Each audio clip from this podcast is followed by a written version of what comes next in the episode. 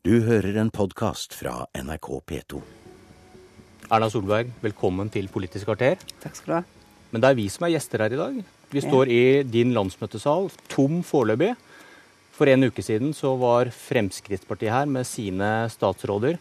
Er det, er det et paradoks for deg at det er dine statsråder som skaper turbulens, og ikke det ferske Frp, fløypartiet Frp? Nei da, det er ikke en paradoks. Det er sånn at det vil være omfordelt på ulike statsråder hvem eh, som på et tidspunkt har en kontroversiell sak. Men en regjering må også ta stilling til kontroversielle saker. En regjering må gjennomføre den politikken de mener er riktig for et land. Og eh, det vil fordele seg litt ulikt på statsråder i løpet av en periode. Så du venter at eh, Frp-statsrådene får steke etter hvert? Denne regjeringen har tenkt å gjøre noe. Og Det betyr at man også vil gjøre ting som folk vil kunne reagere på, ønske å diskutere, være uenig i. Det er faktisk en del av det å ta ansvar. Det er også å sørge for at landet beveger seg videre. Det er også å gjøre ting som ikke alle er enig med en i. Men hva betyr dine valg og din evne til krisehåndtering når det gjelder da abortreservasjon og Dalai Lama, som gjør at dere knapt får snakket om noe annet? Det er fordi at dette er store, viktige saker for mennesker. Det er, det er, saker som det er lett å si ja eller nei til, og som blir stort medieoppmerksomhet. Jeg har fått snakket om ganske mye annet av politikk i løpet av disse månedene. Både om konkurransekraften til norske bedrifter, jeg har fått snakket om eh, lærerne fremover. Men det er alltid sånn at det er de kontroversielle sakene som blir diskutert. Det er de sakene andre kan si nei til. Jeg syns jo det er interessant det, at på de viktigste sakene som Høyre gikk til valg på, ja, så opplever vi ikke at opposisjonen angriper oss. Hvorfor det? Det er fordi vi leverer hver eneste dag på bedre skole, på å sørge for at konkurransekraften for norske bedrifter på lang sikt blir bedre. Vi sørger for å bygge mer infrastruktur. Det er nettopp derfor eh, at eh, det blir andre saker som blir diskutert. Ja. det vi leverer på de sakene. Hadde vi ikke levert på det vi lovde, gitt om vi hadde hørt det. Men igjen så opplever du da at du står her og må svare på de to sakene. Abortreservasjon og Dalai Lama. Og i begge sakene så utfordrer du vel partisjela. og Var dette noe du på en måte tok høyde for? Var du klar over kraften i det når du håndterte disse sakene? Altså, Jeg skal innrømme at jeg ikke forsto at det ville være så sterk motstand mot et forslag som både tok i vare kvinnenes rettigheter til abort fullt ut, og sørget for at de som hadde samvittighetsutfordringer blant legene Da er det vel dårlig politisk håndverk, da? Nei, det betyr at uh, det er aldri sånn at du alltid kan vite hva som tenner folk sterkt ute. Men når, når dere har et forslag som dere forsvarer med nebb og klør i flere måneder, som dere plutselig bare forkaster, er ikke det dårlig politisk håndverk? Nei, det er en lyttende regjering. Det er en regjering som faktisk forsøker å finne gode løsninger. For meg er aldri virkemiddel viktigst. Målet viktigst, det du skal gjennomføre. Vi har funnet en løsning som altså gir oss gjennomslag for målet vi skulle gjøre. Og i enighet med Fremskrittspartiet og Kristelig Folkeparti har funnet en annen måte å, lø å løse et dilemma på som var bedre enn det vi opprinnelig hadde. Min politiske prestisje kommer aldri til å være holdt til et virkemiddel. Det er jo målene vi har i vårt samfunn. Det er hva vi skal gjennomføre så viktig. Og det skal man klare å lytte til at hvis én måte å gjennomføre det på skaper for mye motstand, så må vi lete etter det andre. Vi får nå bred støtte for å løse et dilemma som den forrige regjeringen ikke klarte å løse. Ville du gratulert Liu Xiaobo hvis han fikk fredsprisen i dag? Ja, det tror jeg jeg ville gjort. Jeg tror jeg ville gratulert de fleste andre. Men jeg har sagt at uh, Men hvorfor, ikke... Eh, da lurer jeg på, hvorfor kan du ikke da møte Dalai Lama? Hvis du sier at du ville gratulert en kinesisk dissident som åpenbart ville gjort forholdet til Kina dårligere? Men, Hvor er argumentasjonen for å ikke møte Dalai Lama da? Fordi at vi har nå i fire år vært i en situasjon hvor vi ikke har kontakt på det politiske planet og på mange andre områder med kinesiske myndigheter.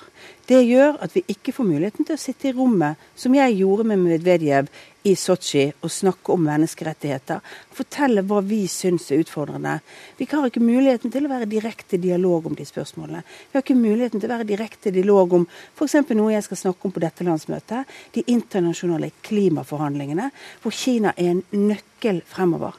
Hvis Norge skal faktisk gjøre det jeg opplever veldig mange i norsk politikk har ambisjoner om, og veldig mange mennesker i sivilt samfunn i Norge forteller meg er viktig, nemlig snakke og få inngrep i mennesker menneskerettigheter, i utviklingen i de fattige landene, sørge for at klimaforhandlingene går videre, ja, da må vi også ha dialog med verdens største land, verdens nest største økonomi. Men, og da har jeg sagt da er det et nødvendig offer å, å vise og signalisere til kineserne at vi faktisk mener at det å være i dialog med de er viktig. Men var det svaret på mitt spørsmål? Du sier at du ville gratulert Xiaobo i dag. Ufarlig for deg å si, men du forsvarer at dere ikke vil møte Dalai Lama. Jeg får ikke det til å henge sammen. Men vet du, Det er ikke alltid sånn at du prinsipielt kan mene alt det samme hvis du har et annet mål. Men hvorfor er, det, hvorfor, er det, hvorfor er, det, verre å møte Dalai Lama enn hvis du skulle gratulert en kinesisk dissident i dag med fredsprisen? Jeg syns ikke det er riktig å holde på med hypotetiske diskusjoner. Men du svarte ja på det. Vi har gjort et valg i dag eh, som vi mener er riktig for norske interesser. Det er riktig for menneskerettighetene. Det er viktig at Norge ikke bare løfter flagget og roper høyest uten at vi blir hørt. Det er viktig at vi også blir hørt når det gjelder viktige spørsmål fremover. Men skjønner du at det kan være vanskelig å tro på deg når du sier at du ville gratulert en kinesisk dissident i dag, samtidig som du sier nei til å treffe Dalai Lama?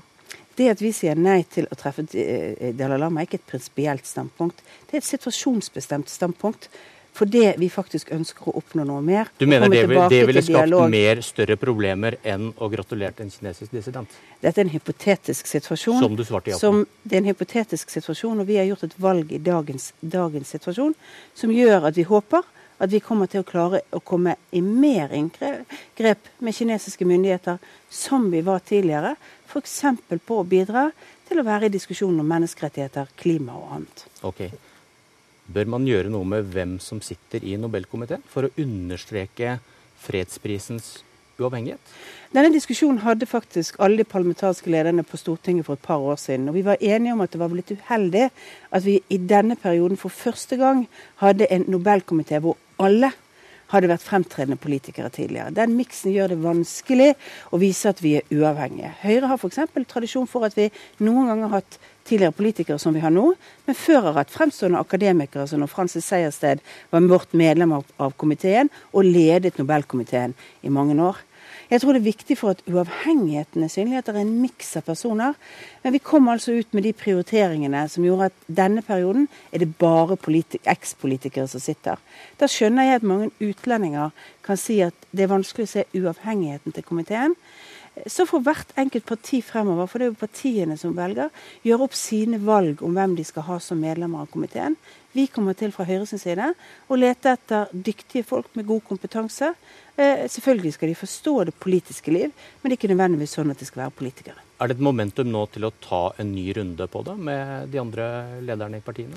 Altså Til høsten skal jo eh, nye medlemmer av komiteen oppnevnes. så Det blir opp til hvert enkelt parti som der skal ha representanter, tror jeg, å ta den diskusjonen. Det er fortsatt sånn at det er partiene som eh, nominerer medlemmene inn til Stortinget. Vi må ikke glemme hvor vi står. Vi står i landsmøtesalen. Er, eh, er dette dagen for din store klimatale? Jeg kommer til å snakke om klima i dag. Jeg kommer til å snakke om uh, forsterkningen av klimaforliket. Jeg kommer til å snakke om kvinner og utdanning innen tredje verden. Viktige saker for oss på den utenrikspolitiske arenaen, som kommer til å være blant de tingene vi, vi, vi, snakker om. Jeg er helt sikker på at jeg i løpet av de neste årene kommer til å holde mange store og viktige klimataler. Du har fått kritikk for at du ikke har snakket nok om det som statsminister? Jo, men det er alltid sånn at hver gang en statsminister snakker, så er det sånn at folk gjerne ville hørt om det temaet de er mest opptatt av. Jeg har valgt å si at hvis du skal snakke om noen ting F.eks. i en nyttårstale, så må du snakke litt grundig om dem. Da må du begrense det. Og jeg syns det var viktig å snakke om psykisk helse. Jeg syns det var viktig å snakke om utdanning. Jeg syns det var viktig å snakke om 200-årsjubileet. Da kan ikke vi snakke om alt. Det blir nesten litt spesielt hvis man snakker om alt så kort at ingenting går i dybden. Til en av de store hjemlige debattene. Statoil vil i første omgang kun ha ren strøm fra land til én av plattformene på Utsirahøyden. Eh, alternativet er jo da forurensende gasskraftverk til å drive disse plattformene. Og hvorfor vil ikke du kreve full elektrifisering fra dag én? Altså, nå har jo ikke regjeringen behandlet uh, PUD-en. Den kommer neste år eh, fra Utsira. Det er viktig at vi sørger for at vi får mer elektrifisering på sokkelen. Og det blir mer elektrifisering. Johan Sverdrup-plattformen blir nå elektrifisert. Jeg er ikke sikker på om hvis ikke det hadde vært tydelighet om det, at vi hadde fått det til. fordi at tiltakskostnadene også der. Det betyr altså kostnaden ved å bygge det på med kraft fra land er blitt mye høyere enn det det så ut opprinnelig. Så, så pri, pris betyr noe? Ja, pris betyr noe.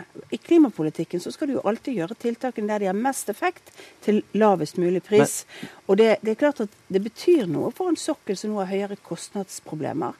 Hvor vi vet at det kan bli mindre impulser fra utbygging fremover. og vi kan se høyere ledighet knyttet til leverandørindustri i årene fremover. Så, kost, så betyr kostnader også noe. Men regjeringen har en tydelig og klar forventning til at uh, dette, altså hele Utsira skal kunne drives fremover på basis av elektrisitet fra land. Men om det med pris, for det, for det, står ingenting med liten skrift i klimaforliket om at hvis det blir for dyrt, så dropper vi målene i klimaforliket. Og Så sier Miljødirektoratet har regnet på dette og sier at du må elektrifisere alle fire plattformene på Utsira for å nå målene innen 2020. Men og så må... sier du at pris betyr noe.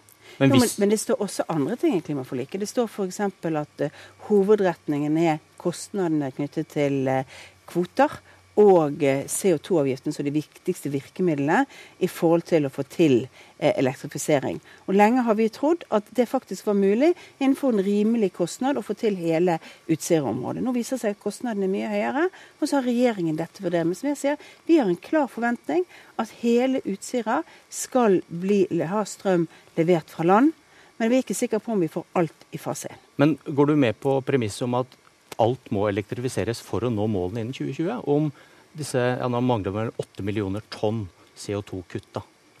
Jeg mener at det er mye vi mangler. Den største utfordringen i forhold til 2020 er at Mongstad ikke kommer på plass. Det gjorde jo at regnestykket ble noe helt annet. Men vi må fortsatt være bevisst på hva som er de beste løsningene fremover. Og det jobber regjeringen med. Men nå har ikke regjeringen fattet noen beslutning om dette.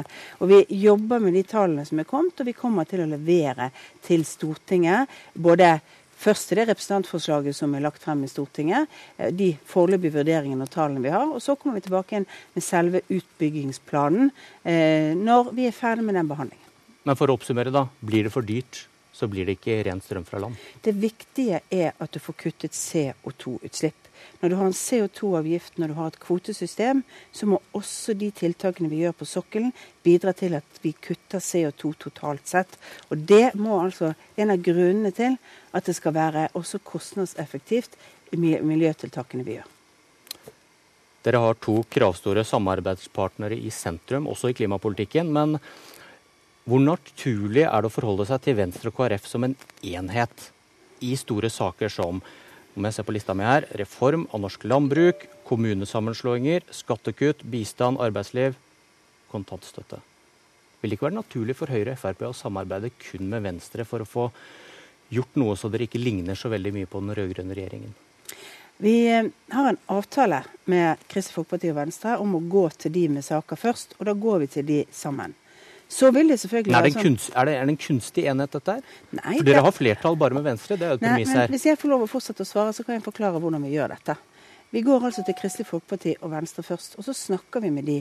Og så blir vi i ren vennlighet enige om vi skal gå videre med ett parti eller med begge to partiene.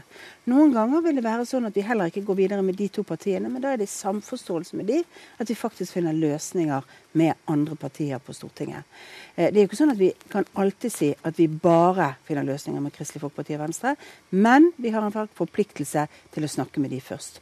Og Da blir det egentlig mellom Venstre og Kristelig Folkeparti at man også får den forståelsen for at på dette området så er det sånn at regjeringen har et flertall med ett av partiene, og da må det andre partiet også akseptere at sånn blir det. Du hilser ditt eh, landsmøte i dag som eh, statsminister. Byr helgen på en anledning til gjensyn med noen av dem som ville kaste deg som partileder for noen år siden? Vet du hva, Jeg bryr meg veldig lite om ting bak. Er det én ting jeg har en god evne til, så er det å legge ting bak meg og så gå videre. Det er veldig skal, menneskelig hver, å tenke litt på det når men, du står ja, der. Men hver enkelt, jo, men hvis du holder på med det der, så ødelegger du både deg selv og din egen arbeidsevne hvis du skal være opptatt av sånt. Du blir en veldig dårlig leder hvis fokuset ditt alltid er på historien og ikke fremover. Du smiler, jeg, du smiler til dem? når yes. du treffer dem? Jeg har smilet til dem, jeg har hatt hyggelige samtaler med dem. Du vet hvem de er? Det, jeg, det er sikkert noen jeg ikke vet om. Eh, men, men, jeg tenker at hvis du er leder i et parti, så må du faktisk vite at du blir diskutert. Det blir noen ganger når det går dårlig, så får du ansvar. Men så får jeg himla mye ros også, da. Når det går bra. Eh, Så, eh, og jeg har mennesker som har kommet til meg og sagt vi tok feil.